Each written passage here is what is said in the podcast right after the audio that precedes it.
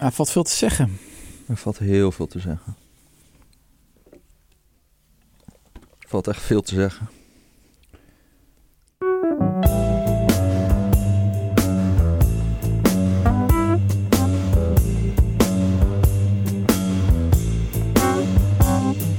Welkom, waarde luisteraar. Dit is de Rudy en Freddy Show en wij zijn een productie van De Correspondent, waarvan je lid kan worden. Eh, dat moet je ook zeker doen. En ik zit hier met mijn lieftallige eh, podcastpartner Rutger Bregman. Hey Jesse. Hi, alles goed? Ja, lekker man. Oké, zeker. Ik kom net terug uit Japan. Ja? Ja. Ja, dat, dat, dat weet ik, want ik ken jou. ja. En eh, wat was je in Japan doen? Boek promoten. Oké. Ja, de meeste mensen deugen is ook in het Japans verschenen. In twee banden. Oké. Het is een of andere commerciële truc die ze daar uithalen, geloof ik. Banden, dat doen ze meestal bij, eh, dan denk ik gewoon marks kap, eh, en in volumes en zo. Ja, ja, ja, ik weet ook niet. Maar het ziet er wel gaaf uit in ieder geval. en, Hardcover. Hardcover, ja, zeker. Ehm, maar ehm, ja, dat was wel bijzonder. Oké, Ze hebben me behoorlijk afgebeeld, dus ik heb weinig eh, gezien van het land. Maar ik heb wel veel Japanners ontmoet. oké. En dat is toch fascinerend. Ja? Ja, je hebt toch wel eens... Oh. Weet je, je komt wel vaker in het buitenland. Maar in Japan, dan heb je het gevoel van... Dit is echt buitenland. Dit is echt zo radicaal anders. Oké, kom maar met je Eh. vierdaagse antropologische Ja, onderzoek. ik zal het je even, even uitleggen. Ehm, ik was al vijf jaar geleden in Japan. Toen nog voor gratis geld voor iedereen. En toen vond ik het al vrij fascinerend dat... Ja, je was natuurlijk uitgenodigd om een boek te promoten over een kortere werkweek. Egalitaire verhoudingen op de werkvloer. Weet je, al dat soort... eh, Mhm. mooie progressieve ideeën. Terwijl die uitgeverij die dat boek uitgaf, was echt in alle mogelijke opzichten het tegenovergestelde van de ideeën in dat boek. Dus mensen die keihard werken tot 's avonds laat, mega hiërarchisch bedrijf. Mhm. Eh, zelfs een, een- zo'n klok, weet je, dat je echt moet inklokken aan het Ah, begin, ja. dat, die, de wijk- werkgever precies weet van hoe laat je aanwezig was op het werk. En nou ja, als we het hebben over bijvoorbeeld eh, bullshit jobs, ja, dan slaat Japan wel echt de kroon. Je, je komt gewoon binnen alleen al. En dan ga je natuurlijk door die hele coronatestcircus. Eh Mhm. Iedereen draagt daar sowieso nog mondkapjes, ook op straat. En eh, Dat deed ze ook al ervoor, geloof ik. Want ik ben daar toen ook een keer geweest. Toen was het in de metro ook heel veel mondkapjes. zeker, ja, natuurlijk sowieso wel meer van dat, hoe zeg je dat, Mhm. eh, hygiënische gedrag. Maar nu wel vrij extreem. Ehm, en eh, ja, dan staan er gewoon zoveel mensen met bijvoorbeeld een iPad, houden ze dan vast. Mhm. En dan zeggen ze van, pak je QR-code er vast bij. Want je hebt je QR-code nodig om door de fast track te gaan. Ja. Nou, dan loop je zo drie mensen langs met zo'n met zo'n iPad van QR-code erbij. Op een gegeven moment kwam ik bij een trapje. En het trapje, I kid you not, had vijf tredes. En er stond iemand naast met een iPad, met een boodschap erop. Trapje, kijk uit. Ja, ja, ja. Ja, Dat is wel bijzonder, toch? Ja dat, dat is wel heel bijzonder. nou, ja, dat ik kom kan- je daar de hele tijd tegen. Als ik een interview gaf, echt in ieder land waar ik ooit ben geweest, een interview is gewoon altijd hetzelfde proces. Er is een journalist, is misschien een fotograaf, heel misschien nog een assistent, misschien een PR-medewerker van de uitgeverij, maar that's it. In Japan, nou ja, dat is een heel leger uitgerukt. Dan heb je de fotograaf, de assistent van de fotograaf, de assistent van de assistent, de uitgever, de, de editor-in-chief, de baas van het hele bedrijf, nog een of andere PR-medewerker, daar nog een assistent van, nog twee stagiairen. Het is gewoon serieus. Je geeft, je geeft interviews en er zijn twee mensen aan het werk en er zitten zo nog acht, negen, tien mensen zitten erbij. Ja, ja, ja, ja. Dat is heel wonderlijk hoor. Maar in ieder geval, ik was daar en ik zou in gesprek gaan, of ik ben in gesprek gegaan zelfs, met een grote Japanse intellectueel, denker, eh Kohei Saito. Ik spreek dat verkeerd uit, Mhm. maar laten we hem gewoon meneer Saito noemen. En die heeft dus net een boek gepubliceerd eh, dat een enorme sensatie is in Japan. Hij heeft een half miljoen exemplaren verkocht. Ik vroeg ook... Meerdere banden ook? Ehm, nee, het is één, het is één één band, eigenlijk. Oh, Eh, maar in ieder geval, ik, ik vroeg ook aan eh, de uitgever van... ja, wie is nou eigenlijk de belangrijkste denker nu in Japan? Wie is het meest succesvol? Ze konden eigenlijk alleen maar meneer Saito bedenken. En eh, dat is een boek over degrowth communism. Ehm, een vrij radicale linksideologie. Dus jij bent naar Japan gevlogen om in gesprek te gaan met een Ja- Ja- Japanse filosoof ja, ja, ja. die over degrowth komt. Nou, ook nog wel wat andere dingen. hè. Ik heb, vijf, ik ben af, ik heb 15 à 20 interviews gedaan. Ik heb het, de CO2-uitstoot heeft goed gerendeerd. Oké, zeggen. ja, is goed. Ah, ja. Ehm, maar dat boek, ehm, dat is dus een enorme sensatie in eh, Japan. Eh, en wat ook zo interessant was van... Het zijn natuurlijk beho- behoorlijk radicale ideeën die hij daar debiteert. Maar tegelijkertijd is het een enorme vriendelijke, zachte jongen. Mhm. Die eh, eh, ja, nou niet echt eh, de neiging heeft om met stenen naar de politie te gaan gooien of zo. Nee. Dus ik vroeg hem ook van, ja, wie is nou de Greta Thunberg van Japan? Ja, die is er niet echt. En toen zei ik van, oké, die ideeën in je boek, die zijn zo radicaal, maar dan moet er toch een soort van Extinction Rebel in Japan zijn. Maar hij had een artikel geschreven over Just Stop Oil, waarin hij het een beetje opnam voor de tomatengooiers, weet je wel, Mhm. naar, de, naar de kunst. Maar daar was zo stevig op gereageerd dat hij dat, ja, dat was wel eh, heftig geweest. En ehm, zeg maar dat, dat praatje, die, dat gesprek wat we hebben gedaan, dat wilde hij ook liever niet dat het op YouTube kwam. Want ja, dat is gewoon heftige reacties. Het is toch heel fascinerend dat er gewoon zo'n grotere prijs op, op eh, hoe zeg je dat? Op eh, het decent. Ja, op decent is eh, daar. Maar, en dit ehm, was de communistische filosoof. ja, ja, en dat was ook wel grappig, want achteraf, het was op het praatje van de Europese ambassade. Eh, toen kwam er iemand uit ehm, Tsjechië naar ons toe, wat, wat oudere vrouw. Mhm. En die zei van ja, dat ze het echt heel eh, verschrikkelijk vond wat hij allemaal had gezegd. Want ja, zij is opgegroeid onder het communisme. Mhm. En toen zei hij me heel vrolijk van, eh, ja, maar ik ben, ik ben een communist. en eh, dat heb ik nog weten te escaleren, gelukkig. Oké. Ehm, lang verhaal kort. Ik dacht, misschien is dit wel een leuk haakje Oké. Om, het- om het eens een keer over degrowth te hebben. Ja, ja, ja. Ja, dat is helemaal hip and happening, hè, die degrowth. Ja, Het komt ook nu in de Tweede Kamer. Die eh, Jason Hickel, de grote degrowth eh, man, die is uitgenodigd voor een hoorzitting door Ja. GroenLinks. dat is een Britse schrijver, Ja, slash econoom, slash historicus, slash antropoloog. ja, is van alles. ja. En eh, ik dacht, eh, ik zat er eens even over na te denken, hè, over hoe we dit even gaan aanpakken. En in, opeens kwam er tot mij een structuur van dit gesprek ook. Oké, Dat is heel, heel uniek, dat heb ik niet vaak. Ik zou het willen opdelen in drie vragen. oké. Is het nodig? Is het wenselijk? En is het mogelijk? En ik, ik denk dat het antwoord op alle drie eigenlijk een soort van crescendo van nee is. Ah, nou heb je het al meteen gespoild. Ja, ja. Ja. ja. Eh, Oké, Eh, zullen we nog één vraag daaraan toevoegen? Nou. Wat is het? ja, oké. Het, is, eh, het is eigenlijk gewoon krimpen voor het klimaat. Dus proberen zo minder materialen te gebruiken, minder energie te gebruiken. En eigenlijk een soort van wereldwijde geplande krimp. Eh, waarbij het dan voor- vooral de bedoeling is dat westerse landen gaan krimpen. Oké, Denk ja. Het is denk ik belangrijk dat we dit even gaan stielmennen, Ja, zoals dat heet in jargon. Dus we gaan hier geen stroopop van maken, maar we gaan het zo krachtig mogelijk neerzetten, het idee. is dat het idee van de podcast tegenwoordig? Ja, dat is een nieuw concept. Dat ga ik introduceren. Daar, daar wordt het gewoon eh, toch wat intelligenter van.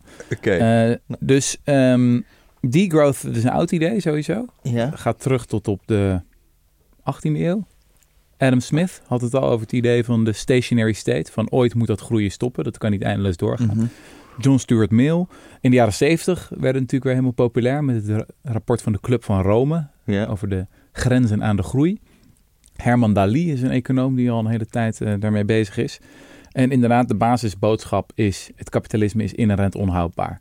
Het Mhm. moet in ieder geval een, een keer stoppen. Je- Ecologisch. ja, je kan niet eindeloos grondstoffen blijven verbruiken en eh, energie blijven verbruiken. Een keer eh, moet dat stoppen. Mhm. Alleen het grote verschil misschien nu ten opzichte van, eh, laten we zeggen, de 19e eeuw... is dat we nu in een existentiële crisis zitten. Dus dat je ook nog het klimaatprobleem hebben. Mhm. En deze mensen zijn ook heel erg anti... ehm, of nou ja, anti, die, die denken dat groene groei een mythe is. Mhm. Dus die zijn er stellig van overtuigd dat we misschien met groene groei de ecolo- ecologische destructie een beetje kunnen afremmen, maar dat het niet een fundamentele oplossing is. Mhm. Ehm maar er komen heel veel punten voorbij waar we volgens mij in de podcast ook vaak over hebben gehad. Van het BBP is geen geschikte maatstaf van vooruitgang. Mhm. Daarmee eh, becijfer je alleen maar hoeveel goederen en diensten worden verhandeld. En dat zegt niet eh, iets over ja, of mensen ook gelukkig zijn en Ja. hun- hun leven de moeite waard vinden. Geven ze een voorbeeld altijd van Amerika. De VS is het rijkste land ter wereld, maar de levensverwachting gaat omlaag. Ja. Terwijl Spanje heeft 55% van het BBP van, eh, eh, per hoofd van de bevolking van de VS. Terwijl daar worden ze vijf jaar ouder. Ehm, En dan gaat het inderdaad over een geplande reductie van grondstoffengebruik in rijke landen. Dan moeten we dus wel een, heel belangrijk wordt gecombineerd met uh, een democratische discussie, zeggen degrowthers altijd. Van we moeten daar heel goed samen over praten. Ze vinden de democratie zoals we die nu hebben eigenlijk niet echt democratisch genoeg. Ik denk dat ze meer in de richting van een uh, model wat Eva Rovers ook in deze podcast Mhm. bepleiten denken. Ehm, en dat we gewoon gaan nadenken van welke sectoren zouden nou wel kunnen krimpen. Denk eens aan klassieke voorbeelden als uh, privéjets, dat hoeft allemaal niet zo. Mhm. SUV's, fast fashion, uh, misschien de vee-industrie. Ze zijn erg tegen planned obsolescence. Mhm. Dat is dat fenomeen dat producenten van die producten maken die uh, kapot gaan, weet je wel. Mhm. Na een tijdje sneller kapot gaan. Ik denk dat iedereen dat wel herkent. Dat je telefoon uh, twee jaar niet meer zo goed doet. Mhm. Um, ja, dat is natuurlijk ook uh, bedoeld om de boel te blijven, dat je blijft consumeren. Mhm. Um, en dan is natuurlijk de grote vraag van, oké, okay, maar hoe ziet het leven van mensen dan uit? Hoe kom je dan aan je geld? Heb je dan nog wel een baan? En daarop is het grote antwoord is... Um, Basisinkomen. Basisinkomen, nee, sowieso, ja zeker. Oh. Basisinkomen, kortere werkweek uh, en een baangarantie. Um, dat is ook nog het idee. Uh, einde aan werkloosheid. Dus gewoon bij die vijf traptreden staan en dan... Ja, dus het is echt een totaalpakket. Dus het gaat, het is, gaat heel erg uit van het, hoe zeg je dat, het synergetische denken. Je kan niet één ingrediëntje uit het recept van degrowth halen, want dan klopt het niet meer. Het is echt een heel totaalpakket.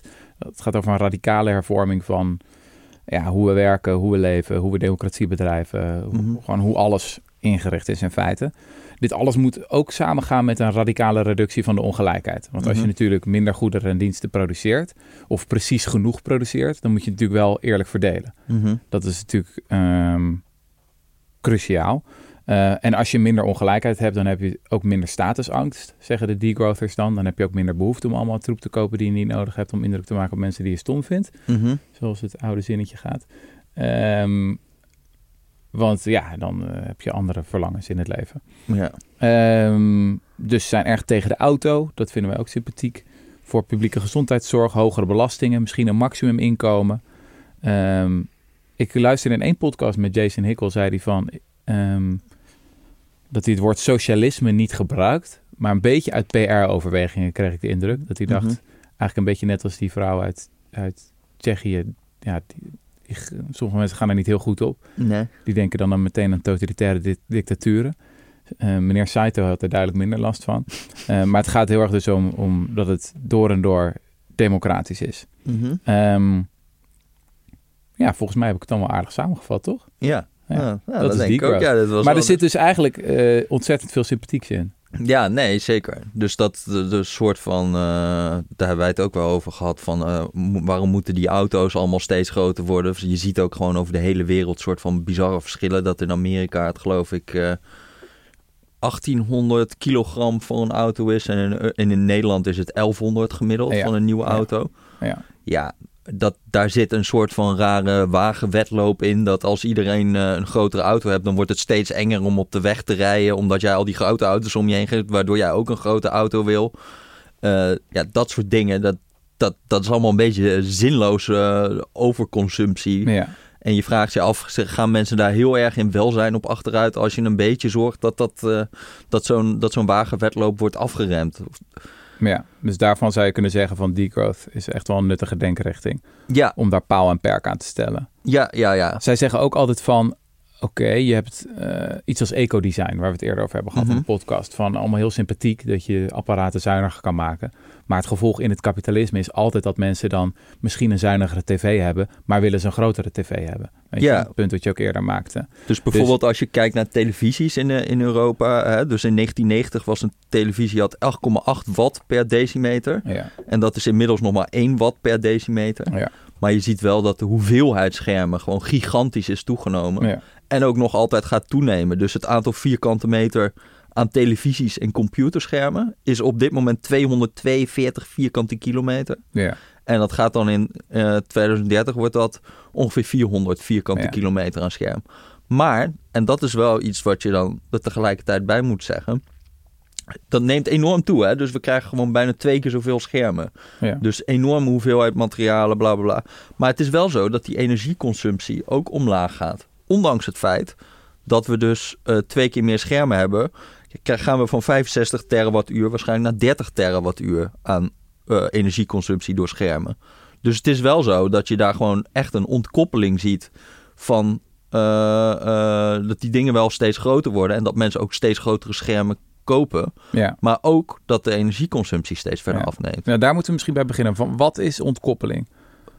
Nou, dat, dat, dat we wel een, bijvoorbeeld het BBP per capita, hè, dus het BBP per inwoner, dat neemt toe. Ja. Maar de CO2-uitstoot neemt desalniettemin af. En voorheen was het zo dat dat eigenlijk nou ja, bijna gelijk opging. Hè? Dus voor elke eenheid BBP die erbij kwam, we kregen meer euro's, we kregen meer koopkracht, we konden meer uitgeven. Daarmee ging ook onze CO2-uitstoot omhoog en onze energieconsumptie omhoog. Mhm. En inmiddels zie je gewoon dat die twee behoorlijk zijn ontkoppeld. Dus bijvoorbeeld in Nederland, we hebben sinds 1990 zijn met 55 procent uh, is het BBP per inwoner toegenomen. En uh, onze CO2-uitstoot per inwoner is met 18,6% gedaald. Hm. Dan kan je zeggen van ja, maar dat komt omdat wij allemaal gedeindustrialiseerd zijn. We halen al die meuk nu uit China. Dus we importeren in feite hm. eh, al die eh, CO2-uitstoot. Maar dat is dus voor Nederland absoluut niet waar. Sterker nog, het is omgekeerd. Als je gaat corrigeren voor import en export, dan zou onze CO2-uitstoot nog harder zijn gedaald, namelijk met 28,4 Dus uh, dat komt omdat wij al die raffinaderijen hebben en heel veel industrie. En wij zijn eigenlijk gewoon een enorm exportland. Dus eigenlijk zijn wij nog veel harder gedaald in uh, CO2-uitstoot uh, als je zou corrigeren voor wat oh, we daadwerkelijk zelf consumeren. Wij vervuilen voor de rest van de wereld eigenlijk. Ja, wij vervuilen voor de rest van de, van de wereld. Ja, Maar op wereldwijd niveau klopt dit niet, toch? Op wereldwijd niveau is BBP-groei niet ontkoppeld. Nee, nog niet. Van nee, dus je ziet het eigenlijk in, in die soort van westerse landen, eh, zie je dat, uh, zie je dat uh, echt gebeuren. Zelfs in landen die eigenlijk best wel beperkt klimaatbeleid hebben, als in de Verenigde Staten. Hè, daar zie je het wel veel minder dan in, in Europa, Europese landen. Uh, daar is volgens mij, ik, daar is het maar 16% gedaald de CO2-uitstoot en zijn ze met 54% gegroeid. Maar het is nog steeds ontkoppeling. Mm -hmm. Dus het loopt niet meer gelijk. Het is, het is niet zo hard als in Europa, maar het ontkoppelt wel. En je ziet dat die ontkoppeling steeds groter wordt. Dus je ziet het echt toenemen. Uh, en ja, dat, dat, dat zit er natuurlijk ook wel gewoon echt in de kaarten. Naarmate mm er steeds meer klimaatbeleid wordt gevoerd, mm -hmm. uh, ja, dan gaan we ook gewoon steeds meer uh, ontkoppelen. Ja. Ik bedoel, we hebben het net over die auto's en over die SUV's. Dat is wel echt een, een enorm probleem natuurlijk, dat die auto's zwaarder worden. Ja. En uh, uh, dus er zijn ook allemaal uh, onderzoeken geweest hè, van als je het gewicht en het vermogen van Europese auto's gewoon gelijk was gebleven tussen 1980 mm-hmm. en 2006, dan was er gewoon, even kijken, 20% minder brandstofconsumptie geweest. Maar mm. dat is niet gebeurd. Want, want die, die auto's zijn gewoon groter geworden. Ja, ja, dat is dus wel een probleem. Maar je ziet nu dat in de afgelopen 20 jaar dat gewoon die CO2-uitstoot per gereden kilometer enorm aan het afnemen is. Hm. En dat gaat ook alleen maar sneller nu. Nu er steeds meer elektrische auto's komen, maar ook gewoon veel zuinigere brandstofmotoren. Mm En uh, ja, dat, dat, is niet, dat is niet nep of zo. Dat gaat gewoon, uh, gaat gewoon door. Maar ja, nou hebben die degrowthers denk ik twee punten hier. Het eerste punt zou zijn is, het gaat niet snel genoeg. Zo van het beetje green growth dat we hebben in een aantal rijke landen, dat is leuk. Maar mm -hmm. we gaan echt met sneltreinvaart op een ecologische catastrofe af. Mhm. Die anderhalve graad lijkt al nauwelijks meer haalbaar. En ja, dan ga je naar 2, 2,5, misschien 3 graden. Mhm. Er moet echt veel radicaler aan de noodrem worden getrokken, zouden ze zeggen. Mhm. En het andere punt is, oké, je kan ontkoppelen qua uh, broeikasgassen, maar ontkoppel je ook qua grondstoffenverbruik. Wat ik begreep is dat we dat laatste niet hebben gedaan dat we nog steeds heel veel grondstoffen verbruiken. Ook en meer naarmate we verder groeien. Ja, dus dat is wel een reëel punt. Dat is denk ik ook bij al die elektrische auto's en zo. Ja, daar, je, we hebben nog enorme hoeveelheden lithiummijnen nodig om dat allemaal uh, te gaan bolwerken. Mm -hmm. Dus dat is, dat is een reëel punt. Er gaat ook gewoon een, eh, een, een natuurafdruk of ecologische afdruk hebben van, die, uh, van al die materialen die je nodig hebt voor elektrische auto's en voor uh, uh, ja, windmolens. Het is wel, veel, het is wel minder, in ieder geval met windmolens en zo, dan, dan de voetafdruk van kolen en gas en weet ik het allemaal. Ja, ja, ja, Dus, dus dat is wel een. Ja, en het is gewoon. eh, maar dan schieten we alweer bijna een beetje door naar van is het mogelijk? Mhm. Het is een beetje raar dat die degrowthers zeg maar constateren binnen het huidige politieke stelsel gaat het niet snel genoeg. Mhm. Dus we gaan een nog veel onmogelijker standpunt innemen over eh, hoe we iedereen eh, zeg maar in, in levensstandaard achteruit laten gaan om het wel sneller te doen. Alsof daar dan in één keer niet dezelfde politieke soort van restricties zijn. Mhm. Dat is natuurlijk heel raar. Want als we eh, zelfs, het, zelfs het soort van eh, fijnere verhaal over het klimaat, dat we nog wel gewoon eh, een, een hoge leefstandaard kunnen hebben, maar dan zonder CO2-uitstoot, is al best wel moeilijk om er door te krijgen. En waarom zou dat niet kunnen? Want zij zullen zeggen van... Oké, een leven met wat minder fast fashion... met eh, niet een SUV, maar een iets kleinere auto... of misschien nog gewoon een mooie fiets... dat is ook een hartstikke mooi leven. En we hebben voorbeelden van landen... Costa Rica wordt altijd genoemd... Ja. van een land dat een veel kleinere economie heeft... in termen van BPP, waar mensen, maar waar mensen wel hartstikke gelukkig zijn. Mhm. Ehm, ja, is het niet zo dat degrowth een alternatief biedt dat gewoon hartstikke mooi is voor 95% van de mensheid, maar ja, inderdaad nogal rot is van als je nu een rijke kapitalist bent? Mhm. Of kan je daar niet in meegaan? Nou, nee, eh, kijk, het is, het, is, het, is, het is ook het is makkelijk om een soort van dingetjes aan te wijzen als privéjets en eh, eh, al die meuk bij de action die je allemaal niet nodig hebt en weet ik veel wat. Maar dat is niet de, de, de, de, het gros van onze welvaart bestaat helemaal niet uit dat soort dingen. Het is ook bijvoorbeeld van, ehm, zeg maar, dat ons huis tegenwoordig een eigen badkamer met een douche heeft. Dat was 40 jaar geleden nog niet, zeg Mhm. maar. Dat ons huis een centrale verwarming heeft. Dat was 40 jaar geleden nog niet. Mhm. Eh, dat zijn zeg maar de grote posten. Dat, hoe groot is ons huis überhaupt? Mhm. En ik denk dat je een heel moeilijk verhaal hebt.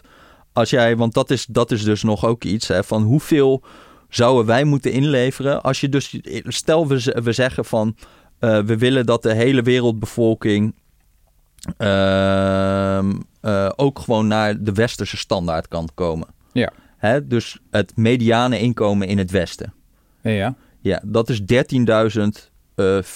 dollar. Dus dat is niet het mediane inkomen in Nederland. Laat Nee. dat ook even vooropgesteld, want modale inkomen zit, is nog veel hoger dan dat in Nederland. ja Ja, in Nederland is het 36, 37, 38.000 of zo. ik weet niet wat modaal Ja. is, te- maar eh, ja, als je iedereen nog naar dat niveau wil krijgen en wij zouden gewoon bevriezen, hè, dan, moet, dan gaat het BBP, gaat, eh, wereld BBP gaat nog keer drie.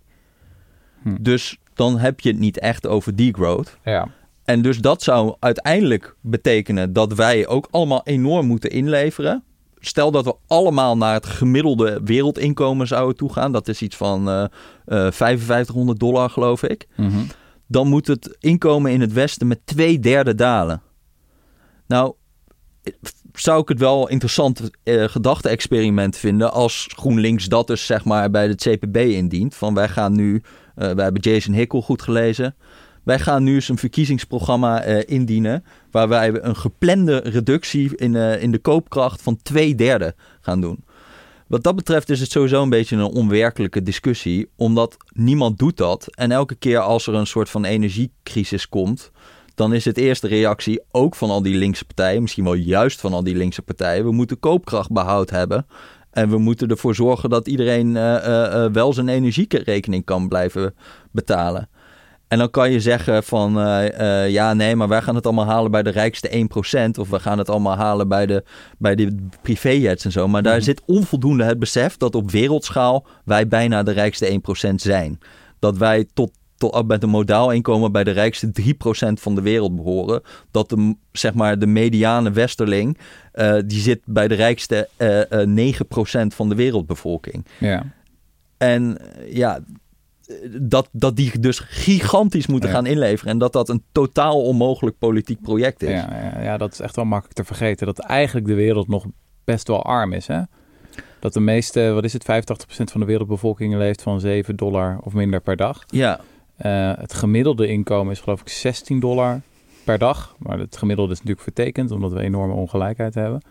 Maar dat is nog steeds niet veel. Ter vergelijking, de Nederlandse armoedegrens zit op 35 dollar per dag.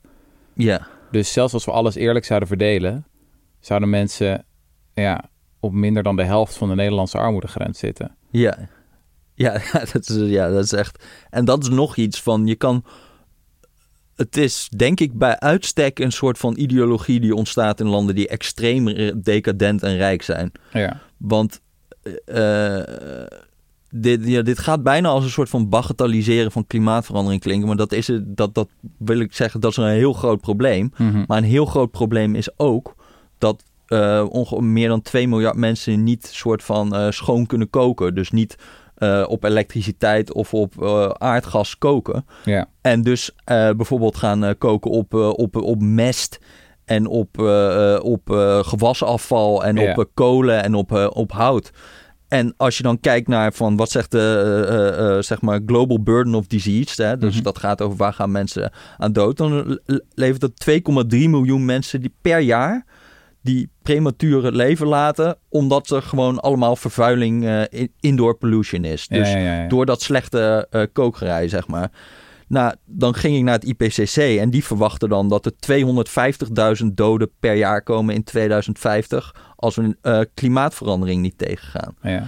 Dus soms wordt een beetje onderschat wat de consequenties zijn van armoede en wat een soort van basisniveau is Ja. van doden wat er de hele tijd doorvalt. Ja, ja, ja. En hoe belangrijk het is dat we die mensen ook op onze levensstandaard krijgen. Of dat die ook gewoon. eh, eh, ja, dat we die gewoon ook groei gunnen. Ja, wonderlijk hè. Ja.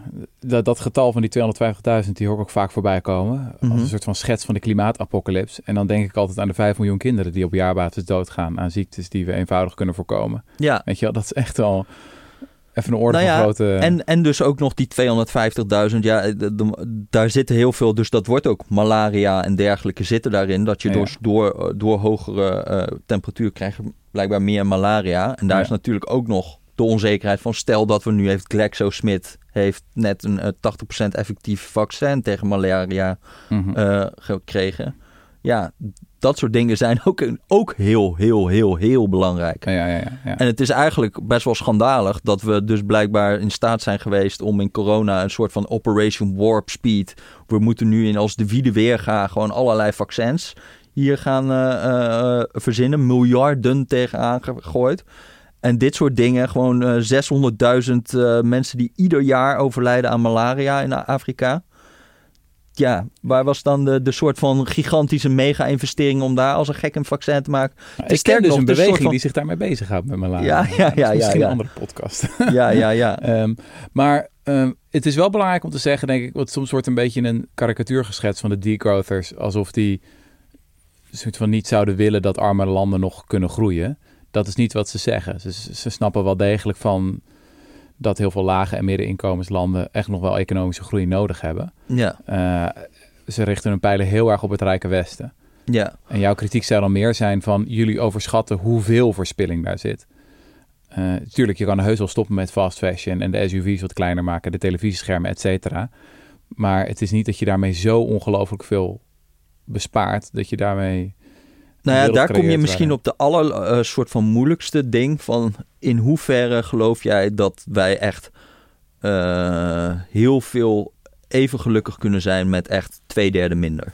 Ja, En ja, ik sta daar wat anders in dan eh, sommige mensen hier. Ik ben helemaal niet tegen welvaart. Ik, ben, ik, zal gewoon, ik vind het gewoon fijn dat ik tomaten kan kopen in de supermarkt in de winter. Ik vind het leuk dat ik een of ander exotisch kookboek kan hebben... en dat ik al die ingrediënten gewoon hier kan kopen. Ik vind het ook leuk dat ik een keer naar Tokio ben gevlogen. Mhm. Ik vind het, eh, ik vind het ook mooi dat ik gisteren de hele, hele, hele avond... met een of ander algoritme in de gang ben geweest. Dat ik wat intik en dat er dan allemaal schilderijen uitkomen en weet ik veel wat ja. Ik vind dat eigenlijk gewoon allemaal prachtig. Wat niet zo prachtig is, is dat het CO2-uitstoot veroorzaakt en dat het milieuschade veroorzaakt. Mhm. Eh, en daar moeten we alles aan doen om dat zoveel mogelijk te voorkomen. Maar ook het liefst met het behoud van al die dierwelvaart. Want ik vind dat gewoon mooi. Is het nou de essentie van mijn welzijn en weet ik veel wat? Mhm. Nou, ja, weet ik niet. Maar het draagt wel wat fijns bij, Mhm. zeg maar. Nou, hebben wij Dus een ik- tijdje geleden hebben wij een ode gehouden in de podcast aan Václav Smil. Eh, een denker die eh, toch niet bekend staat als een hele linkse jongen. Mhm. Die zichzelf heel erg pro- profileert als een keiharde realist. Van Mhm. kijk gewoon naar de cijfers. Hij is bijvoorbeeld ook heel kritisch over het idee dat de energietransitie heel snel zal gaan. Mhm. Historisch gezien kost het gewoon decennia om een energiesysteem helemaal om te bouwen. Weet je, om van kolen naar olie te gaan en van olie naar gas enzovoort. Dat duurt gewoon heel lang. Maar in een interview met volgens mij The Guardian zei hij een tijdje geleden van ja, ehm, toch ook wel het idee dat, dat die groei zoals we die, uh, zoals we daar nu in geloven, dat dat eindeloos door kan gaan. Dat is, dat is toch echt totale fantasie. En uh, ja, als wij teruggaan naar een uh, welvaart van de jaren 60, was echt niet zo ellendig of zo. En dat Mhm. vond ik toch wel, toch wel fascinerend. Het is niet alleen dat het uit de linkse Yippie Hosanna hoek komt of zo. Mhm. Ehm, het idee van, oké, dit, dit moet in ieder geval een keer stoppen of zo. Ja, ja, nee, maar dat, dat, daar is denk ik ook. Kijk, het moet een keer stoppen. Want op een gegeven moment, dan, eh, als de energieconsumptie alleen maar zou toenemen, dan zou je volgens mij, volgens de natuurkunde, gewoon sowieso jezelf helemaal kapot koken. Ja. Dus als dat maar door blijft gaan, ja, op een gegeven moment moet dat op een of andere manier afvlakken. Hm. Maar goed, waar dat punt komt, jij zei al, dus we dachten in de 18e eeuw al dat dat, dat, dat punt kwam. Nou, toen hebben we nog wel een hele fijne, nou, dat ging in het begin niet echt lekker, die industriële revolutie, maar op zich zitten we er nu wel warmpjes bij. ja. Eh, waar dat punt dan precies komt, dat is de vraag. Maar ik zou niet. Soort van, het is ook een empirische vraag. Het is niet, soms krijg ik een beetje een soort van zondevalachtige vibes bij van. Eh, ja, het kan niet zijn dat wij het zo goed hebben en dat we daar niet op afschuwelijke wijze door wo- voor worden gestraft of zo. ja. En Ja. ja. ja, ik zou toch zeggen, zeg maar, maar dit is ook gewoon een beetje een geloofsartikel. Ik zit veel meer op van, ik, volgens mij is het wel fijn wat we hebben. En volgens mij vinden ook heel veel mensen, dat is niet iets wat je is aangepraat, dat het gewoon fascinerend is om naar Tokio te gaan. Mhm. Heel veel mensen vinden dat ook geweldig. En het is een rijke ervaring en het is iets wat je veel meer mensen zou gunnen. Als dat kan, ja. Hè, als je zou kunnen vliegen eh, zonder CO2-uitstoot en eh, milieuschade, dan vind ik dat een heel erg eh, mooi doel om te Ja. hebben. Dat we dat met elkaar mogelijk kunnen maken. Of dat we eh, iets lekkers kunnen eten zonder dat we eh, dieren eh, schaden. Mhm. En dat we het milieu schaden. En dat we zoveel mogelijk grond besparen daarmee. Mhm. Ja. Een van de interessante subplots van die hele degrowth discussie gaat over de vraag ehm, ja, wat historisch gezien het kapitalisme ons nou eigenlijk gebracht heeft. Dus eh, je hebt eh, Max Roser van de website Our World in Data. Een geweldige website die gewoon op hele grondige wijze allerlei statistieken verzamelen over van ja, hoe staat de wereld er uiteindelijk voor.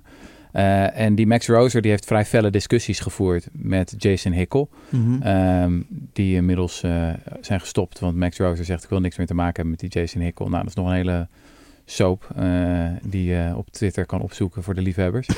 Ehm, maar dat begon eigenlijk een beetje met een discussie. naar aanleiding van een artikel dat Bill Gates had gepubliceerd. Mhm. Die had een grafiekje gepubliceerd over de afname van extreme armoede. En inderdaad, dat is een indrukwekkend grafiekje. De extreme armoede die gehalveerd is zo ongeveer sinds de jaren tachtig. Wat toch suggereert van ja, het kapitalisme is blijkbaar in staat om enorme vooruitgang te boeken. Moet ik trouwens ook nog zeggen dat de extreme armoede dan in 1800 werd ingeschat op pak een beetje 90% van de wereldbevolking. Mhm. En dan krijg je toch het beeld van ja, groei eh, heeft zoveel mensen gewoon ontzettend veel goeds gebracht. Mhm. Nou zeiden eh, de degrowthers, dus Hickel en co, die zeiden van nee, maar die cijfers die zijn volstrekt onbetrouwbaar. Want eh, wat er niet in mee wordt genomen is dat mensen vroeger hadden ze toegang tot bijvoorbeeld hun eigen moestuintje, tot de commons. Mhm. Weet je, allerlei land dat nog niet gecommodificeerd was, dat nog niet privaat bezit was of overheidsbezit of op andere manier ja, niet meer het eigendom was van het volk of de gemeenschap. En als je dat mee zou nemen, dan zal blijken dat e- eigenlijk was de wereld helemaal niet zo slecht voor de uitvinding van het kapitalisme. Weet je, hadden mensen relatief kortere werkweken, leefden ze gewoon van eh, wat het land voor hen opbracht, hoefden ze niet zo eh, te stressen enzovoort. Dat is ook wel echt de fundamentele vraag die hier steeds onder ligt. Want voor het degrowth project is dat natuurlijk wel belangrijk dat je een soort van een, een historisch verhaal ook hebt, waarin je Mhm. laat zien ja, dat vroeger alles beter was. Of in ieder geval eh, ja, dat, het niet een zo beetje, slecht was. dat het allemaal niet zo slecht was, weet, Ja. weet je wel. En ehm, ik vind dat wel een heel interessante discussie. Volgens mij, overigens, mijn positie is dat daar geen hout van klopt. Dat het leven wel echt behoorlijk ellendig was rond, rond 1800. Maar het is toch gewoon, je verreweg hebt een soort van mensen. objectieve maatstaven als wat is de lengte van mensen en wat, wat was hun levensverwachting en zo. En Ja. dingen waar, die je wel aardig kan meten. En daaruit blijkt toch gewoon heel duidelijk dat, dat in ieder geval qua gezondheid, dat er een extreem sterke correlatie is met BBP. Uiteindelijk. Maar het interessante is dat bijvoorbeeld als je naar de lichaamslengte kijkt, die neemt af in de 19e eeuw. Weet je? Dus naarmate Ja, het kapitalisme zichzelf intensiveert. En het is pas aan het eind van de 19e eeuw als arbeid zich organiseert, in verzet zou je kunnen zeggen, tegen het ongebruikelijke kapitalisme, als vakbonden opkomen en zo, dat echt pas de grote baten voor eh, de bredere bevolking eh, gerealiseerd worden. Dus dat zeggen de degrowthers dan ook, van juist op het moment dat het kapitalisme wist af te remmen, werd het beter. Maar goed, ik denk dan wel tegelijkertijd van ja, toen was er wel al een koek om te verdelen, weet je wel. Dus je moest wel een systeem eerst krijgen dat gewoon die taart liet groeien en groeien en groeien. En op een gegeven moment toen we een dikke taart hadden, konden we hem gaan verdelen. En dat is hartstikke goed dat we die beweging hebben gehad. Maar Ja. ik ben toch blij dat we niet nog in de middeleeuwen zitten. Ja, Dus Het is wel heel interessant dat er een soort van...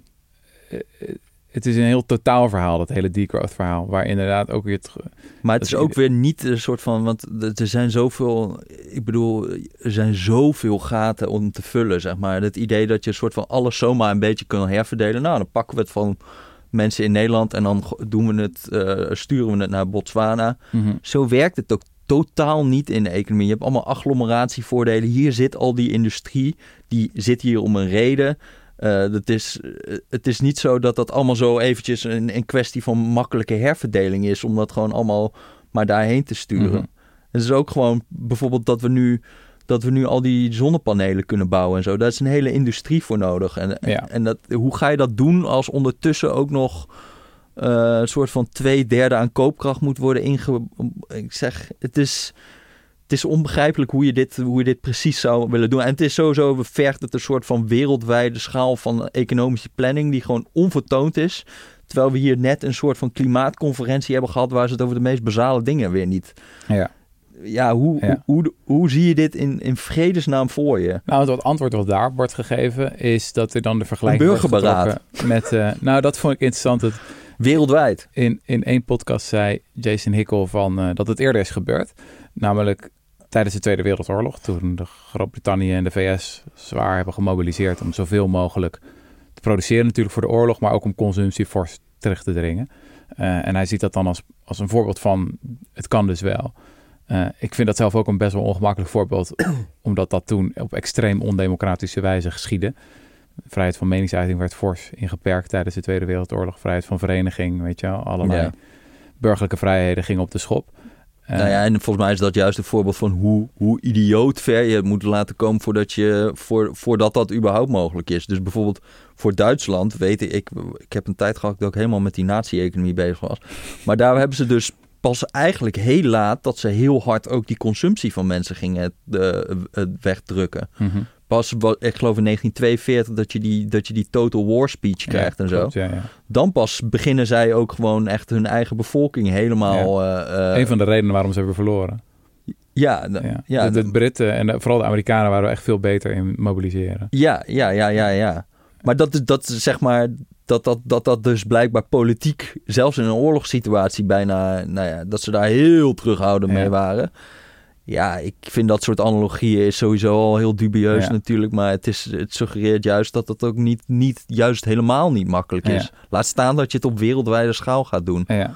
Ja, ik vind het lastig gezien dat ik enerzijds ben ik het wel eens met, het, eh, met de schets van heel veel mensen willen graag minder werken, willen graag een minder prestatiecultuur, minder statusangst. Weet je wel, zien ook wel dat al die fast fashion onzin is. Ja. En, en kan je ook heus wel overtuigen dat misschien het niet zo heel handig is dat we elke keer een grotere SUV's eh, gaan rijden. Eh, dus daar zit echt wel wat in. Alleen het gevoel dat je toch soms ook krijgt is van... oké, als we het dan democratisch gaan doen... en wat als mensen het, dan niet willen? Mhm. Wat dan? Bijvoorbeeld, eh Hickel zegt ook van... nou ja, bijvoorbeeld een van de dingen die je dan fors kan gaan aanpakken... als je die nood, aan die noodrem trekt, is de bio-industrie. En toen dacht ik van, nou, dat hebben wij onlangs in Nederland... hebben wij een- alleen al een klein stikstofkaartje gepubliceerd... Mhm. met een soort van voorzichtige schets van... eh, zullen we eens even flinke degrowth gaan toepassen op de bio-industrie? Nou, dat is niet heel goed gevallen, geloof ik. Ja. En dan kan je zeggen, ja, maar dat, is de, dat zijn alleen maar de grote landbouwbedrijven. Ja, omdat er geen burgerberaad ook heeft plaatsgevonden. Nee, ja, maar er is dan, overal is er een antwoord op natuurlijk. Van het, het is dan niet op de juiste manier geschied. Ehm, maar ja, in de, in, de, in de modder van de echte politiek Ja. eh, vraag je wel af van hoe ver dit soort ideeën... Nou ja, en ik vind dus heel veel, zeg maar, als het een soort van, de vibe is anti-consumentisme en gewoon heel veel van wat we consumeren willen we eigenlijk helemaal niet. En dat is gewoon overbodig. En daar ben ik het op zich ook wel mee eens van, we hoeven ook niet de hele tijd elke vier jaar eh, een, een nieuwe iPhone als we hem ook gewoon kunnen laten repareren, weet je wel. Mhm. Maar is daar dan het antwoord op, zeg maar, dat eh Diederik Samson, onze grote vriend van de podcast, Mhm. Right to repair eh, re- regels gaat maken in, in de Europese Commissie. Mhm. Of dat we een soort van totaalanalyse schieten en, eh, en meteen maar de hele, eh, eh, eh, zeg maar, alles moet gaan, maar gaan krimpen en eh, we zien wel hoe waar het uit schip strandt. Mhm. Ik zou veel meer gewoon al die regels om te zorgen dat we onze auto's minder zwaar worden, bijvoorbeeld. Of eh, om te zorgen dat we gewoon die televisie zuiniger worden, die stofzuigers zuiniger worden. Ik zit veel meer op die lijn. Ja, ja, En het is ja. ook niet soort van niet iets wat we niet kunnen. Ik zat nog, ik zat nu eh, toevallig, dat vond ik, vond ik een van de meest insane dingen die ik eh, de afgelopen tijd heb gezien. Maar je hebt dus al die zonnepanelen, hè. Die, daar gaat nu dus in 2025 schatten ze dat er 900 gigawatt, 940 gigawatt aan polysiliconen capaciteit is. Dus dat is om eh, zonnepanelen te maken. En op dit moment is de totale hoeveelheid aan eh, zonnepanelen die is geïnstalleerd 971 gigawatt. Dus ze hebben straks de capaciteit om zeg maar 940 gigawatt per jaar te maken. Terwijl wat er totaal staat is 971 gigawatt. Hm. Dus dit is alleen het maken van zonnepanelen. En dan moet je ze nog installeren en daar zal dan wel weer een gigantische bottleneck zitten. Maar dit is gewoon zo, zo insane Ja. wat er dan eh, aan zit te komen. Dat wordt straks ook gewoon eh, hartstikke goedkoop. En Ja. ik denk dat het eh, de degrowers nog zal verbazen. Gewoon. Ja, ja, ja. Nou, misschien is dat uiteindelijk wat ik het, het grootste probleem vind, is het woord zelf, degrowth. Het voelt voor mij gewoon echt als een volstrekt waardeloos slogan. Zo van stem op mij, dan krijgen we minder. Ja, Terwijl, volgens mij ieder succesvol politiek verhaal is toch een verhaal van vooruitgang. Van we gaan het, we gaan het beter maken. En natuurlijk moeten we dan groei herdefiniëren. En dan, en ja, groei van welzijn, groei van een, een mooier leven, noem het allemaal maar op. Ehm, maar degrowth op zichzelf als slogan lijkt mij gewoon echt politieke suïcide voor, de, voor de meeste mensen. Een soort van het gevoel is gewoon go- economische groei zegt niet alles over welzijn. Ja, En daar wordt vervolgens de conclusie aan gehangen, dus we moeten maar krimpen. ja. En daar gaan mensen denk ik iets te makkelijk vanuit en iets te weinig doordacht. Ja, ja Pe- Pepijn Vloemans, dat is een opiniemaker, die Mhm. had een eh, tijdje geleden een artikel eh, op zijn persoonlijke blog. Eh, waarin hij een betoog hield van ja, die fixatie die we vaak ook weer in links-progressieve hoeken hebben over. eh, we moeten alles duurder maken. Weet je wel, duurder vlees, duurder, duurder vliegen. Mhm. Daar zit op zich wel wat in. Van het is inderdaad waar dat er geen eerlijke prijs wordt betaald. En dat allerlei kosten niet verdisconteerd zijn in de prijs Mhm. bijvoorbeeld vlees, ja, het richt enorme klimaatschade aan en enorme ellende voor de dieren. Dus als je dat meerekent, zou die prijs misschien veel hoger moeten liggen. Mhm. Maar het is zo'n futloos en inspiratieloos verhaal uiteindelijk. Mhm. Is het niet veel vetter om een beweging te bouwen over we gaan dingen goedkoper maken? Mhm. Want dat is toch uiteindelijk het grote mooie verhaal van de afgelopen twee eeuwen. Hij geeft het voorbeeld van de prijs van licht. Mhm. Ja, in de middeleeuwen was licht peperduur. ja. Moet je kaarsen kopen, dat kost een fortuin. En Was dat ook die shit met walvisolie en zo? Ja, met walvisolie. Dat is een van de belangrijkste redenen, of eigenlijk de belangrijkste reden waarom de walvisjacht is gestopt. Ja, we hadden op een gegeven moment geen walvisolie meer nodig. Dus juist ook technologische vooruitgang kan morele vooruitgang weer Mhm. een handje helpen. Ehm, en hij, hij geeft dan allerlei voorbeelden in dat blog van ja, er zijn gewoon heel veel dingen die nu nog niet bestaan, maar die we willen. Ja. Dus bijvoorbeeld eh, ja, goedkoop, gezond, eh, gecultiveerd vlees. Of precisiefermentatie. Moeten we ook nog een keer een podcast over doen. Ja. Weet je wel, een eiwitrevolutie. ja. Eh, er zijn zoveel technologieën Waar die nog vliegende auto? hebben. De vliegende auto, inderdaad. Eh, en dat is Dat is toch... die hele Jetsons-wereld. Ja, zeker, ja. ja. Maar dat is ook wel weer... Het is ook wel een beetje hoe je, hoe je op een bijna op een religieus niveau in de wedstrijd zit. Dat inderdaad degrowth heeft erg de vibe van de mensheid heeft zijn hand overspeeld. Weet je wel? Hubris, Mhm. overmoed, oer, erfzonde, weet je wel. We hebben gewoon... Ja, we zijn te ver gegaan. Terwijl het, het, het oude, het, het meer moderne vooruitgangsverhaal is van nee, we moeten juist nog harder gaan. Ja. er is nog zoveel dat we nog kunnen. Er is nog zoveel potentie. We zijn nog maar aan het begin van iets wat geweldig, machtig, mooi zou kunnen zijn. Ja, Ja, uiteindelijk gaat mijn hart toch sneller kloppen voor het laatste. Maar mijn idee is dat dat uiteindelijk toch ook een soort van psychologische kwestie ja dat is ook heel erg een psycholoog. Je hebt dat boek van Charles C. Mann, The, The Wizard and the Prophet. Ja, ja, ja, dat is, gaat ook heel erg daarover. Dat gaat over, ja, van, dus- Je hebt mensen die denken, we kunnen het allemaal techno fixen. En je hebt mensen die heel erg hebben van, ja, erfzonde. eh, we gaan allemaal ten onder, Club van Rome. Ja. ja dus Alleen- daarom zou het jammer zijn als je te, hoe zeg je dat, Eh, te hard zegt van oh, de degrowth is dat allemaal onzin of zo. Want de, de profit heeft toch ook wel zijn waarde, laat ik denk ik. Ja, Die, wa- die met het vingertje waarschuwt van oké, nou ga je echt te ver. ja hoogmoed, ja. Ja. Nou, eh, dan zijn we er denk ik wel, hè? Of niet? Dat was hem denk ik wel. Ehm, oh ja, wacht. Categorie nieuwtjes. Oké, Dat is een nieuwe categorie in de podcast. oké. Ik heb één Heb je nieuwtje. nieuws? Ja. doe, doe niet zo gek. Eh, Dierenrecht. Eh, de club van eh Frederike Schouten, die wij in de podcast hadden. Ja? eh, die mag toch zeggen van de rechter dat zuivel dierenleed is. Oh ja? Dat vinden wij mooi, hè? Ja, dan Ja. zijn wij, dat, nou, wij feliciteren dieren wij, en recht. Wij feliciteren Dierenrecht. Ja. En, helemaal tot slot, ehm Arjen van Velen. Ja, Arjen van Velen, dat is die, hoe even wachten hoor. George Orwell van de Lage Landen. de George Orwell van de heeft Lage een boek Landen, uit. ja. Dat heet Rotterdam. Rotterdam, ja. Dat is geweldig. Tá bem. Tá bem.